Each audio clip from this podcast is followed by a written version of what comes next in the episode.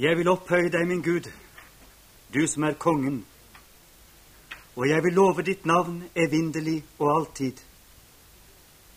En slekt skal lovprise for den annen dine gjerninger, og dine veldige gjerninger skal de forkynne.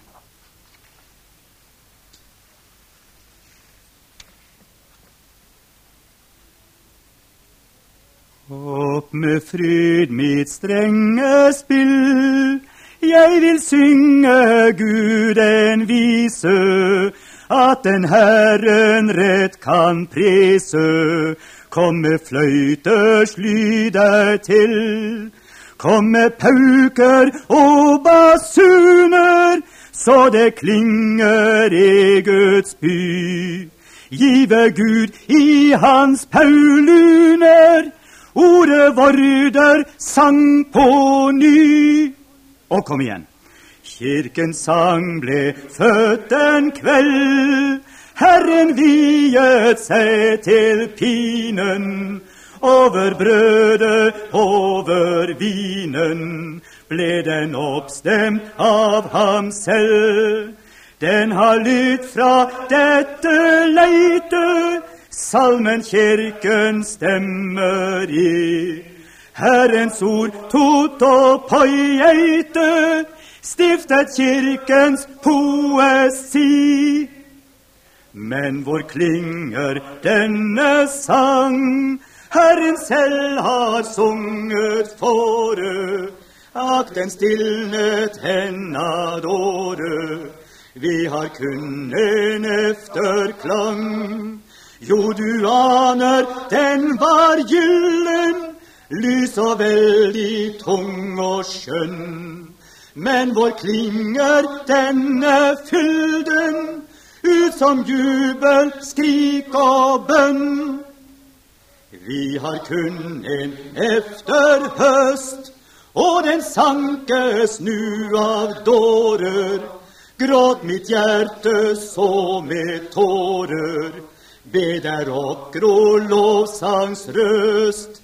Se de tersker løs på salmen, og hvor blir det kløktig gjort? La den fyller de med halmen, hvetekornet kastes bort.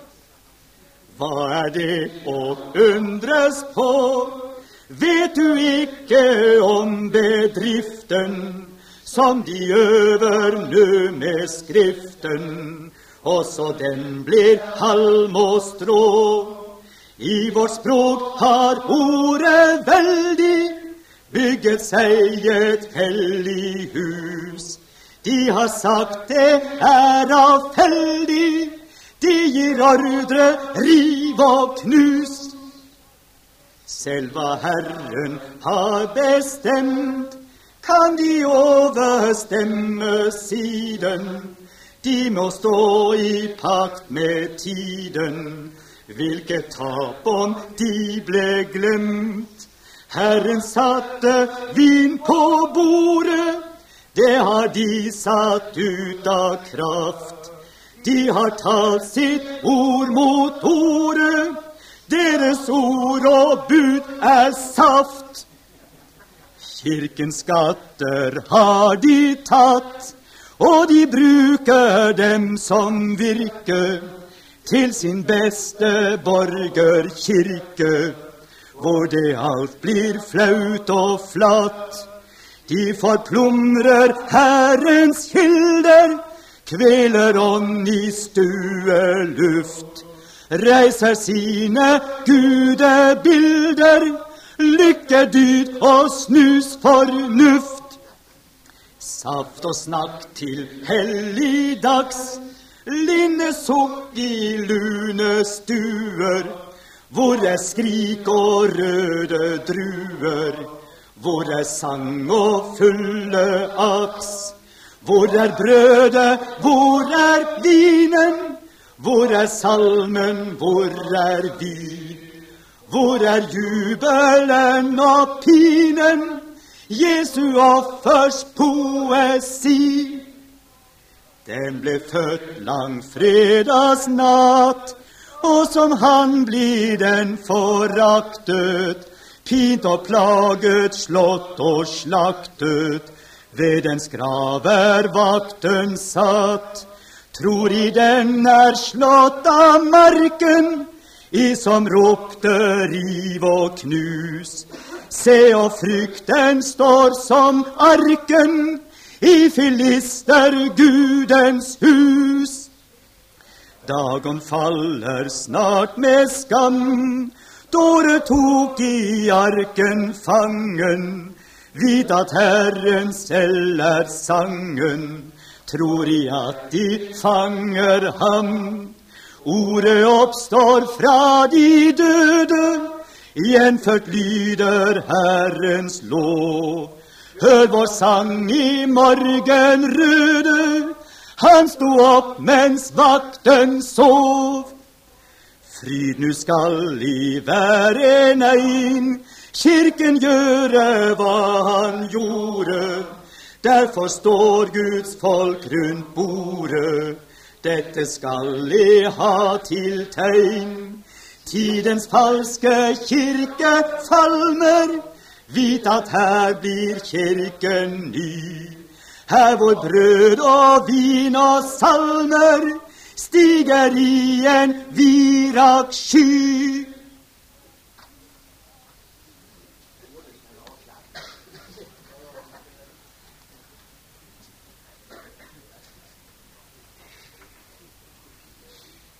Dette var ikke hva jeg hadde å si, for det er det ikke jeg som har sagt og sunget. Det er Willy Abelsnes, fordum sogneprest til Herø, der hvor Peder Dass ble født og døpt. Jeg regner ham for en av Nordens største salmediktere. Han har en formevne og en språkbegavelse og en helt særegen bibelsk styrke som vi savner de fleste steder.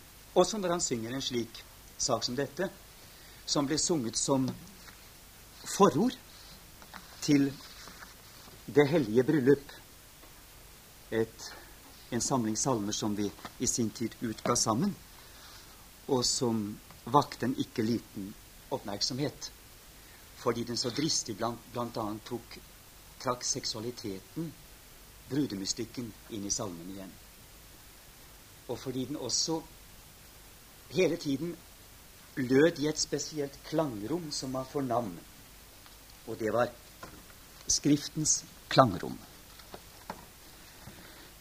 Vi kan si at Det hellige bryllup var en, mer enn en programerklæring og en kampsang for så vidt i sin helhet enn en forsøk på å lage en liten salmebok.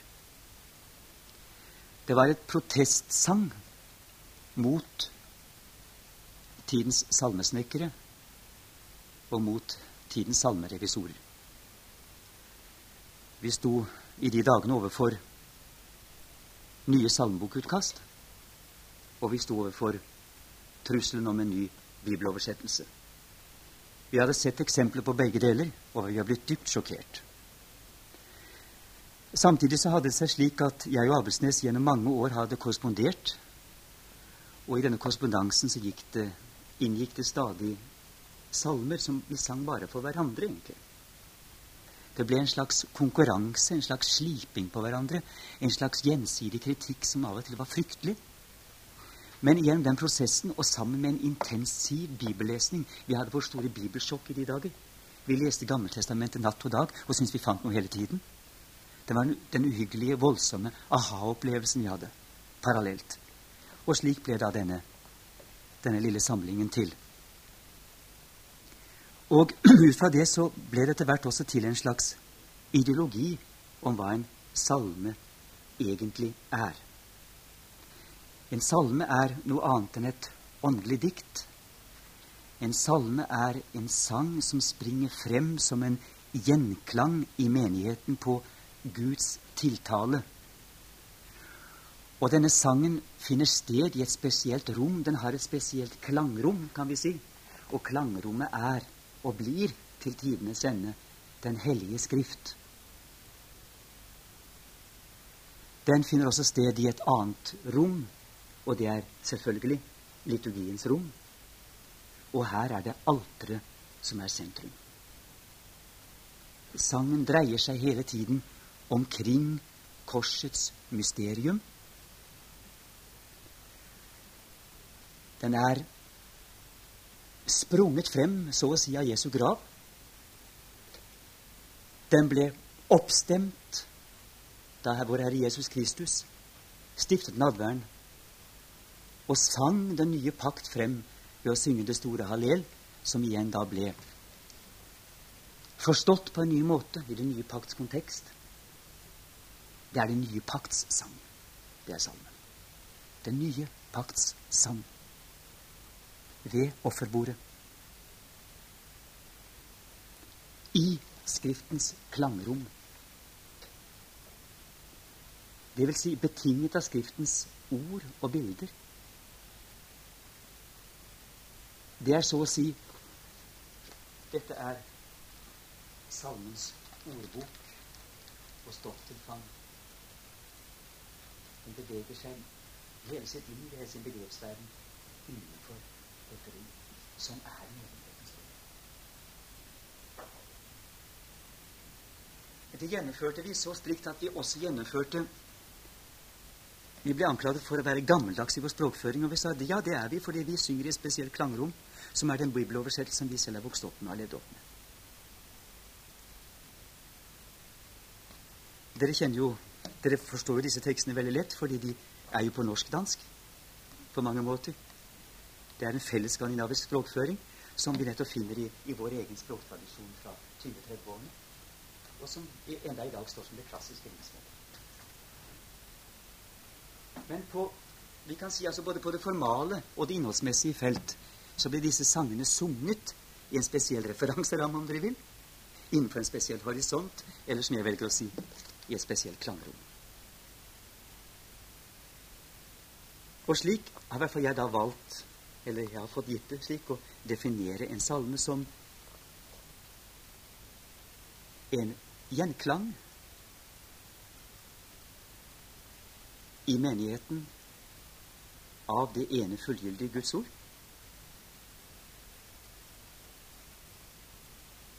sang i et klangrom som allerede er gitt av Den hellige skrift. En sang som beveger seg mellom døpefont og alter, hvis man tenker døpefonten ved inngangen. Som har korsets mysterium som sentrum. Fordi det er den nye pakts offer som konstituerer den nye pakts folk. Og den nye sang, som det tales om i Salmenes bok mange steder, det er den nye pakts sang. Det er noe radikalt nytt som er brutt inn i verden. Men samtidig så er hele billedspråket, hele registeret, allerede gitt i den gamle pakt gjennom Det gamle testamentet. Vi kan si at hele orgelet er bygd opp på forhånd. På samme måte som den gamle pakts seremonier og alt sammen peker frem imot dette som fullbyrdes i Kristus. Slik er altså på en måte hele klangbakgrunnen skapt. Men så, når den nye pakts folk er der, den nye pakt er innstiftet, så plutselig forløses alt dette kan bli til sang. Det som før hos jødene ofte bare var bedrøvelige bud og regler og lange historier. Plutselig får det et nøkkelpunkt. Det forløses i Messias. Plutselig kan det synges på en helt annen måte. Det er, nær, det er virkelig, det er her, det er real presens.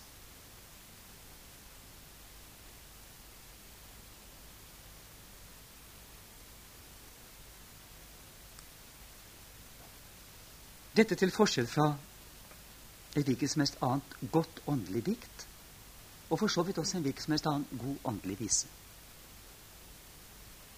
Det er ikke til forkleinelse for det på noen måte. Men skal det være en salme? Ja, Det er forresten underlig vi kaller det for en salme, for en salme er det jo ikke, for salme er jo bare salmen i Salmens bok. Men når vi allikevel kaller det for salme, så er det fordi det ligger en definisjon i det. Dette er dette er åndelige viser som skal synges i forlengelsen av Davids salter. I det nye tempel. I det nye tempel. Slik Davids salter ble sunget i det gamle.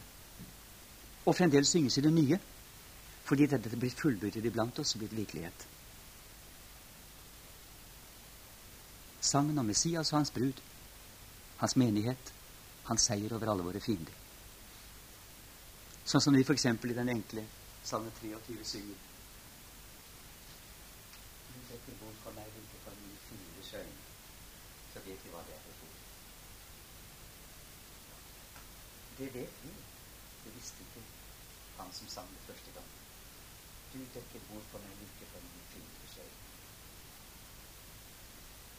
Du salver metoden, og du beger flyter inn. Det er en rett kommunionsalme.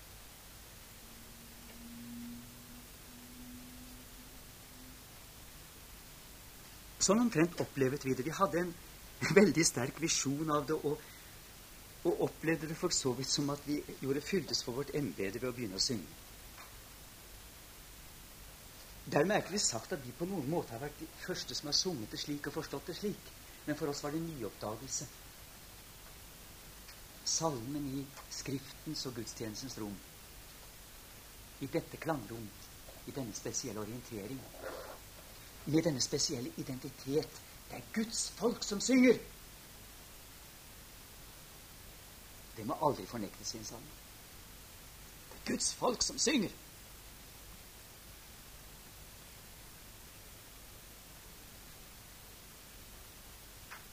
Guds forpinte folk. Guds kjempende folk. Guds seirende folk. Guds jublende folk. Men alltid det er Guds folk som synger de som er forløst gjennom dåpen, gjennom Jesu Kristi lidelse og død og oppstandelse. Der blir sangen til. Dette er, og dette er de syngendes identitet. Altså, vi synger også ut vår identitet. Gjennom salmen bekjenner vi hvem vi er, og hvem Herren er.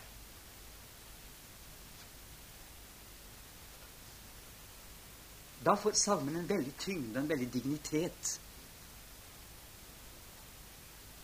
Da får salmen også et innhold som er forpliktende, normerende. Og det er også noe med salmen, den virkelige salmen. Den er normerende og forpliktende. Når den legges i vår munn, så sier den på en måte til oss Bli det du er. Den er ikke bare vårt vitnesbyrd om vår tro, om våre stemninger, om vår sorg og vår glede, om vår visshet i Kristus.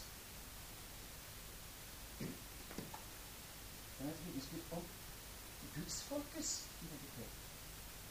Gudsfolkets sorg og glede, som vi har felles med alle sammen. Vi føler den fordi vi hører til det ene legemet. Dette er det ene legemet som synger i én munn.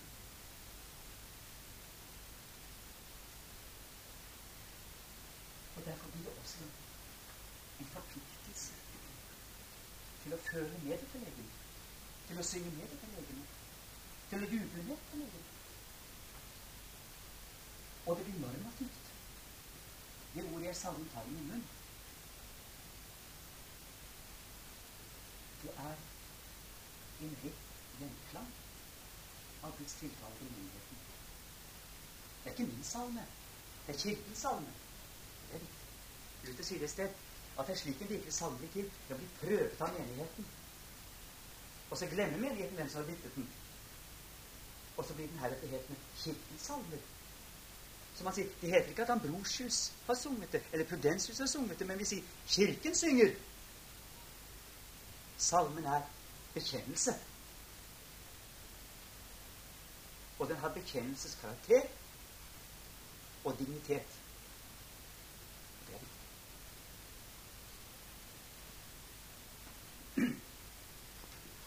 Har dere hørt om den gang den russisk-ortodokse kirke inn i forhandlinger med om en slags dypere forståelse med Den norske kirke.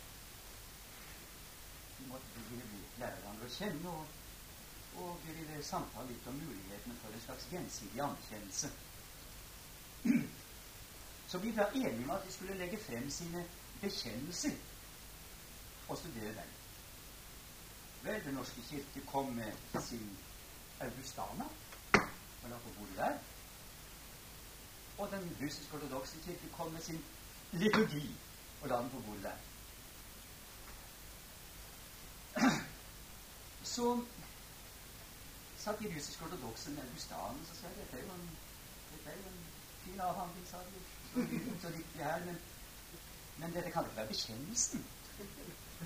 Synger man alt dette her, da?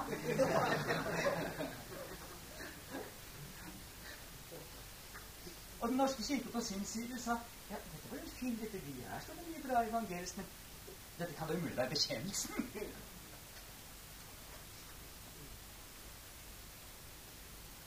Så etter hvert så begynte det å dendre for Den norske kirke at bekjennelse visstnok var noe som menigheten bekjente, og ikke noe som bare sto i teologenes hyller og ble trukket frem på prekestolen i og ne. Og etter stund så kom de med sin salmebok. Da brøt de ortodokse forhandlinger.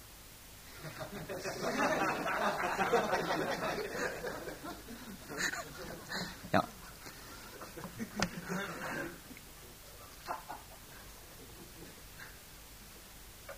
Bekjennelse. Ortodoksia. Hva betyr det? Det betyr ikke først og fremst lett, rett lære, men det betyr rett lovsang. Rett lovsang. At vårt gjensvar til Gud er rett. Når Gud har talt, og Gud har åpenbart seg, at vi da kan synge ut og fortelle hva vi har hørt og sett og smakt. Det er beskjed.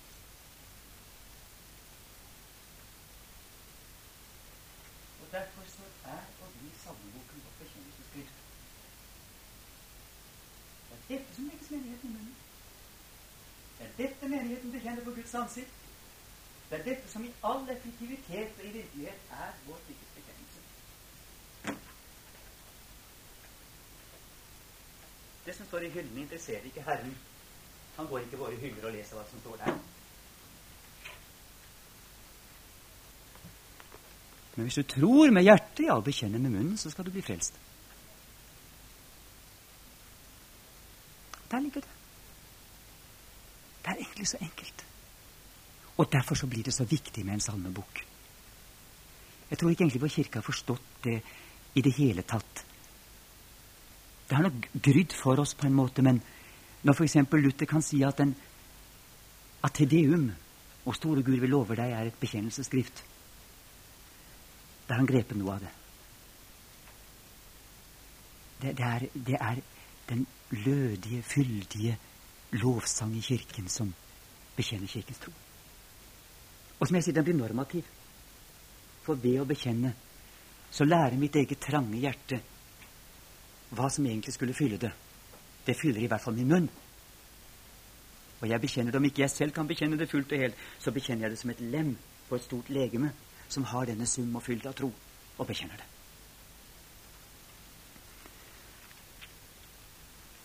Bekjennelsen har, som, som jeg sier, også er vitnesbyrds Og jeg har et veldig fint sted som slo ned i meg i løpet av denne prosessen. I, eh,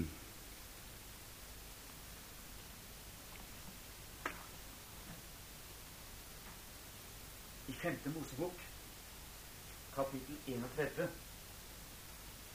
og fra vers 19. Der lærer Gud Moses en sang. Og så sier han Så skriv nu opp for dere denne sang, og lær Israels barn den. Legg den i deres munn, så den kan være et vitne for meg mot Israels barn.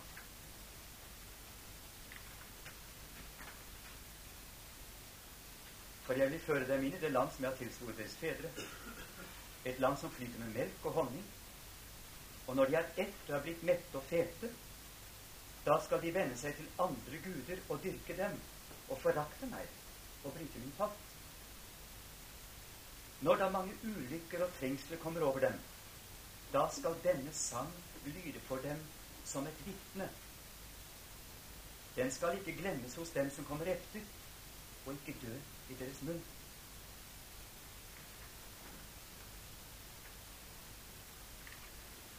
Og denne sangen er den store læresalmen som vi leser i kapittel 32.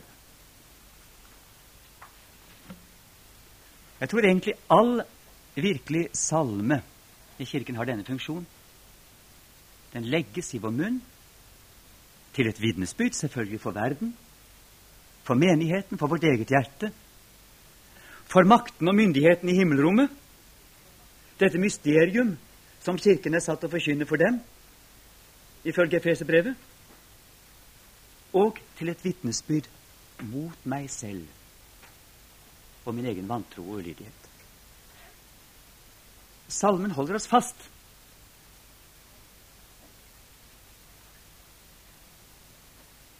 Troen er ikke en sang som bryter spontant frem fra mitt fulle hjerte.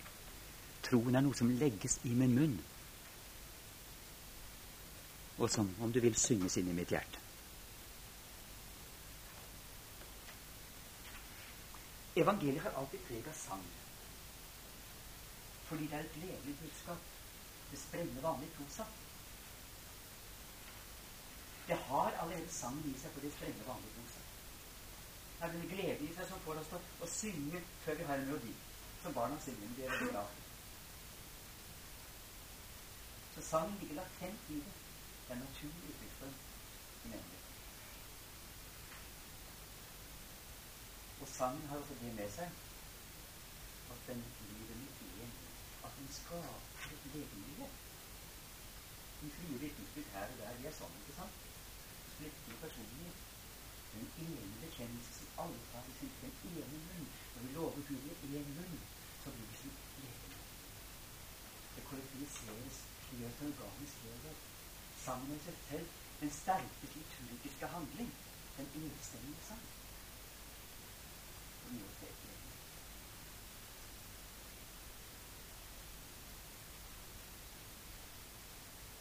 Den er altså i seg selv kultisk handling. Det er som Mowinckel vil si det, den er offersang og sangoffer. Fordi at når vi går inn i den ene sang, så stiller vi hele vårt legeme til disposisjon for denne sang. Vi kan ikke gjøre noe annet da. Og vi vet jo at hele legemet synger med. Alle har dette i seg, om det er ganske nært i en dansk eller en norsk forsamling. Hele egen syn i flytende. Vi er i det vi synger, og vi er de vi synger. Vi er i Guds folk, og vi bekjenner Herren til hjernen. Det er mange andre ting også som kan sies om sangen. Den er et våpen. Den er et, en makt som nettopp fordi den er enstemmig, samstemt, knuser Herrens fiender. De har en annen ting bort.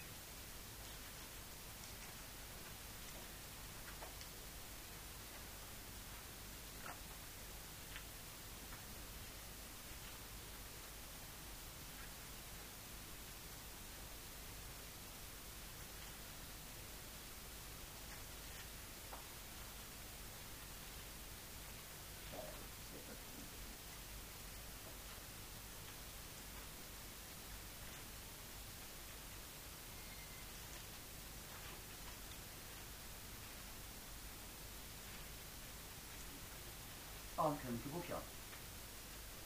I det tyvende kapittel. Det er litt sånn verseblind plutselig. Der har vi en tekst om sangen. Det er jo utallige tekster om tempelsang og levitnesang i tempelet. Men vi kan ta denne som et kort eksempel. Israels fiender er mektige. Ammons barn, Moab, har leiret seg mot Israels folk. Og Josafat går inn i bønn og ber om hjelp. Vi kan lese litt fra vers 5 først. Da sto Josafat frem blant dem som var kommet sammen fra Juda Jerusalem, i Herrens hus foran den nye forgård, og sa:" Herre våre fedres Gud, er det ikke du som er Gud i himmelen? Du råder over alle folkenes rike. I din hånd er kraft og velde og det er ingen som kan holde stand imot deg. Har ikke du, vår Gud, drevet dette lands innbyggere ut for ditt folk Israel, og gitt det til din venn Abrahams efterkommere for alle tider? De bosatte seg der og bygget deg en helligdom for ditt navn og sa om noen ulykke kommer over oss, sverd, straffedom, pest eller hungersnød, så vil de stille oss foran dette huset for ditt åsyn, for ditt navn bor i dette hus og vi vil rope til deg vår trengsel, og du vil høre og frelse. Se nu hvorledes Ammons barn og Moab og folkeplass i fjellet. disse folk som du ikke ga Israels lov til å trenge inn iblant da de kom til Egyptens land. For de bøyde av og dro bort av dem og ikke ødela dem. Se hvorledes de nå lønner oss. Nå kommer de og vil drive oss ut av din eiendom, som du har gitt oss i eie. Vår Gud vil vi ikke holde dom over dem, for vi har ikke kraft nok til å motstå denne store hær som kommer imot oss. Vi vet ikke hva vi skal gjøre, men til deg er våre øyne vendt og hele Juda sto der for Herrens åsyn, enda deres små barn, deres hustruer og deres sønner. Da kom Herrens ånd midt i forsamlingen over levitten Jahasiel, sønn av Zakaria, sønn av Benaya, sønn av Jeiel, sønn av Matanya, en av Asafs sønner, og han sa, Hør etter hele Juda og Jerusalems innbyggere, og du, kong Josafat. Så sier Herren til dere, frykt ikke, og reddes ikke for denne store hær, for dette er ikke eders krig, men Guds. Men dra ned mot denne morgen. Da drar de opp etter Haselsbakken, og de kommer til å møte dem til enden av dalen midt imot Jerveløkene. Men det er ikke I som skal styre her. I skal bare stille etter opp og stå og se hvorledes Herren frelser eden ifra Juda og Jerusalem. Frykt ikke og reddes ikke. Dra ut imot dem i morgen, og Herren skal være med eder. Da bøyde Josafat seg med ansiktet under jorden, og hele Juda og alle Jerusalems innbyggere falt ned for Herrens åsyn og tilba Herren. Og de levitter som hørte til karatittenes og Korahittens barn, reiste seg og lovet Herren Israels Gud med høy og gyldig røst. Morgenen etter tok de tidlig ut og dro av sted i Tekoa-ørkenen. Og med det samme de dro ut, sto Josafat frem og sa:" Hør på meg, Juda og Jerusalems innbyggere. Tro på Herren deres Gud, så skal de holde stand. Tro på Hans profeter, så skal de ha lykke med dere. Og han rådførte seg med folket og stilte opp sangere som skulle love Herren i hellig skrud, mens de dro ut foran den levende hær og si:" Lov Herren for hans miskunnhet varer evinnelig. Og straks de begynte med sine fryderop og lovsanger, lot Herren en flokk bakfra komme over Ammons barn, Moab og folket fra Siirfjellet som var kommet mot Juda, og de ble slått. Og Ammons barn og Moab vendte seg mot folket fra Siirfjellet og hugg ned og ødela dem. Og da de hadde gjort ende for folket fra Siir, knapp til hverandre med innbyrdes ødeleggelse. Og dagen ble altså kalt for lovprisningsdag. Jeg tror at for hymnologisk sammenheng er denne teksten veldig viktig. Den handler om hvordan Guds folk seiler bare de å bekjenne troen. Dette er den seier som har overvunnet verden, vår tro. Den kraftige, samstemte bekjennelse med én munn. Altså den bekjennende kirke seirer ene og alene i kraft av sin bekjennelse over alle Guds fiender.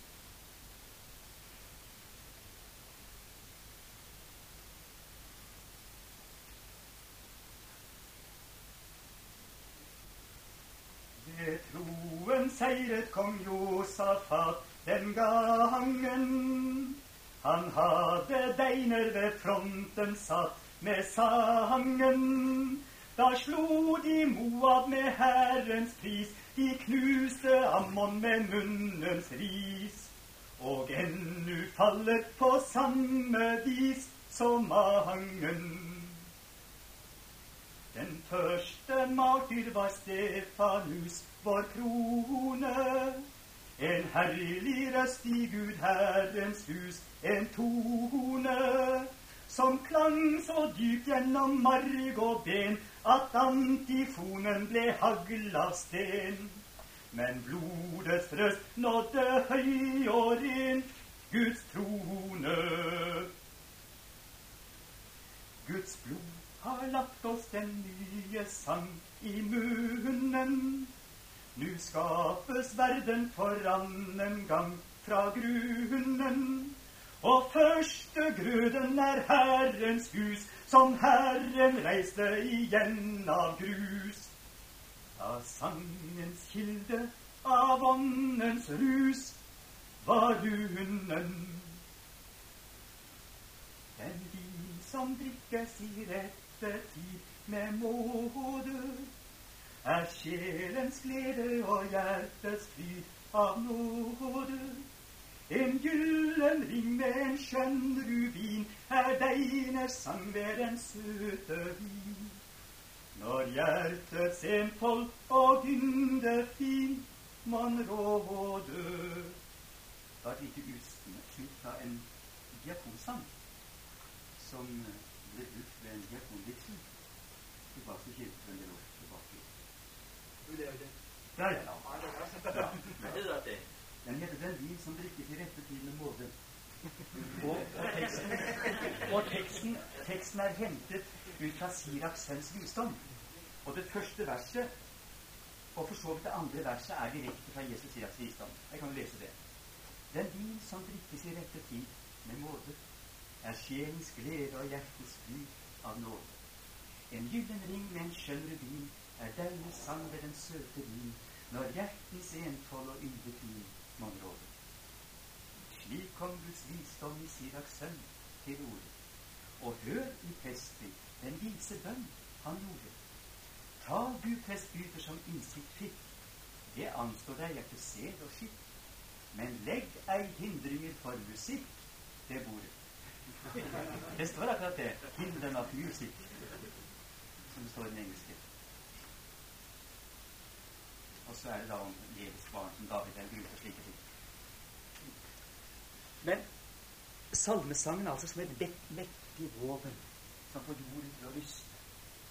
Første gang vi hører om det, det er jo når, når folk priser, når troende folk priser Gud for at Peter har blitt fridd ut av fengsel, ikke sant? Og de synger da ut av Salme 110, så fletter de inn sin egen situasjon. Ja, de synger sin egen situasjon inn i Salme 110. Og de synger sin egen situasjon ut i Salme 110. Her er det beste eksempel på hvordan Salmens bok går opp i menighetens lovsang og forandrer karakter. Altså. Det må nesten, nesten ta i det flotte akta her. Den er veldig fin. Den viser hvordan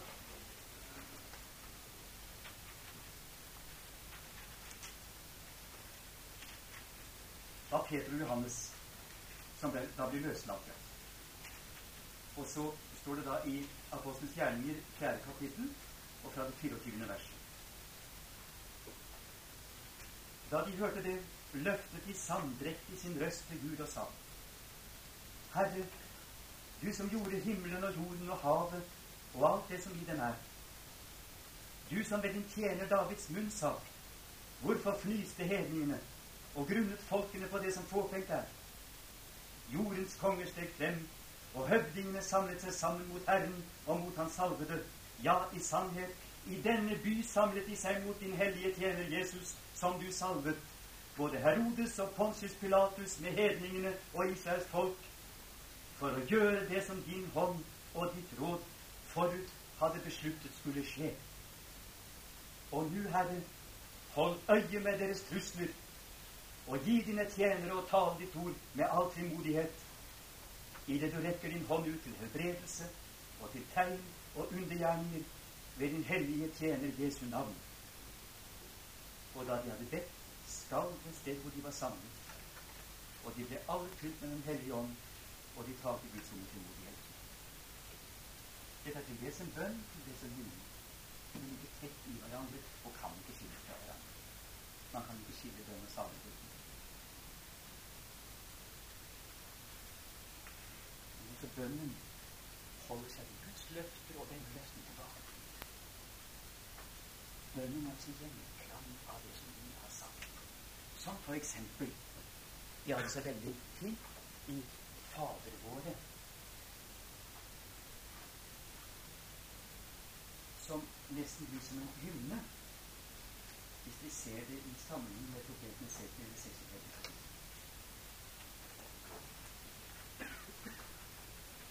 Da er liksom som et eksempel på både, hvor man både bønn og salme griper opp enten Guds gjerninger eller Guds ord, og kaster den tilbake til Gud som en bekjennelse.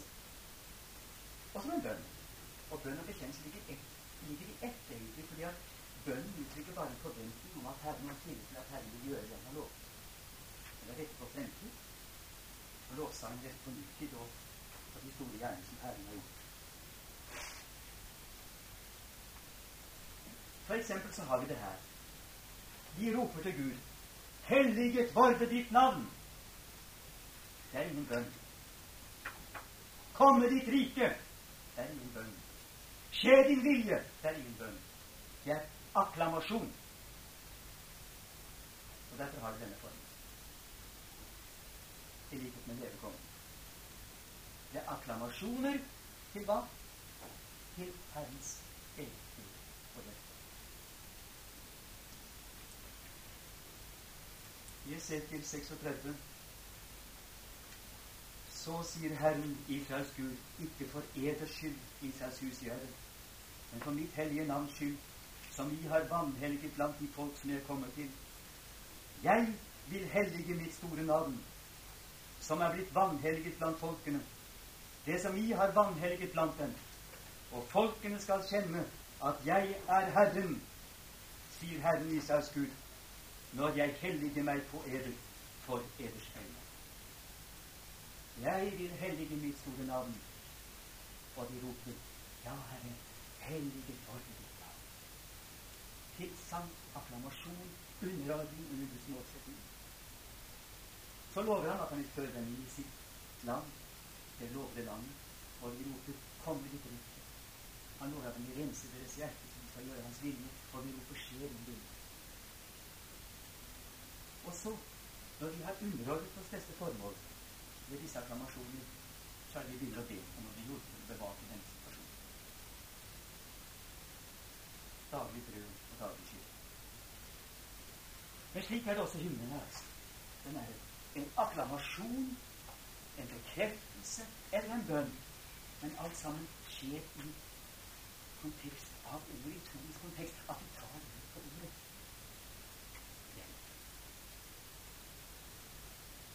Skjer ikke det, er det andre motiver?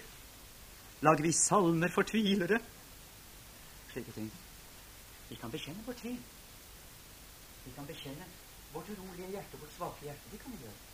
Men vi kan ikke lage salmer for situasjonen utenfor menneskets Salmer Salmer som later som om Gud eventuelt ikke skulle være til.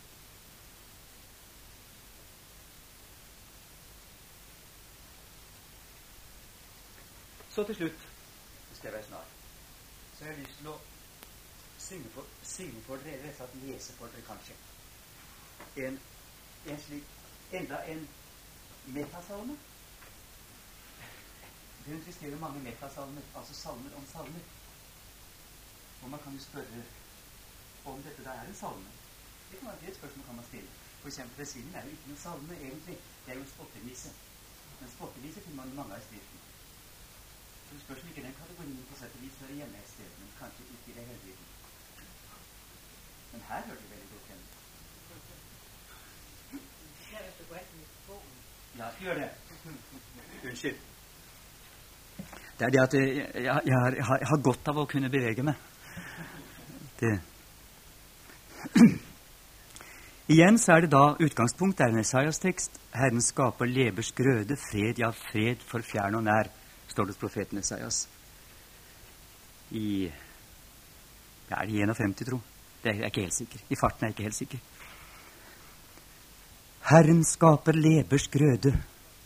Fred, ja, fred for fjern og nær. Når han reiser fra de døde, lammets sterke lovsangshær. Som en ild går Åndens ord gjennom luft og vann og jord, og gjør verden ny fra grunnen ved den sang vi har i munnen. Sangen lå i jordens hjerte som et blodig hvetekorn. Under månen brøt vår smerte ut i skingre bukkehorn. Blant Egyptens klageskrik lå vår lovsang som et lik, da Guds morderengel støtte ned vår egen førstefødte. Jesus på sin galgetrone la vårt håp til Gud i grus. Jesus med sin kjenselskrone dømte Herrens eget hus. Levnet ikke sten på sten, kløvde både marg og ben, blottet oss til hjertegrunnen, så vi sto med mull i munnen. Sangens sæd var lagt i mullen da vi trodde alt var tapt. Ut av angsten, mørke, kulden ble den nye lovsang skapt. Seil på grav og seil på munn, de ble brutt i samme stund, da Guds offers første grøde sprang med sangen fra døde, fra de døde. Sangens flammetunge tennes dypt i Jesus syndenød. Når hans lemmers strenger spennes og blir slått av dom og død. Jesu pines skarpe klang vekker troens rette sang. Troen ut av graven springer først når korsets harpe klinger. Davids klare jubelharpe driver ut den stumme ånd, legger ordets sverd skarpe nakent i vår munn og hånd. Vi skal bore Kristi død inn i verdens stolte kjød. Sangen sårer, sangen døder, sangen leger og gjenføder. Herrens hevn er høy og herlig. Syng hans pris på vredens dag. Herrens hevn er dyp og kjærlig over alle folkeslag. Vreden bryter ut i sang gjennom Jesu altergang. Jesu kjød og blod i munnen synger verden ny fra grunnen.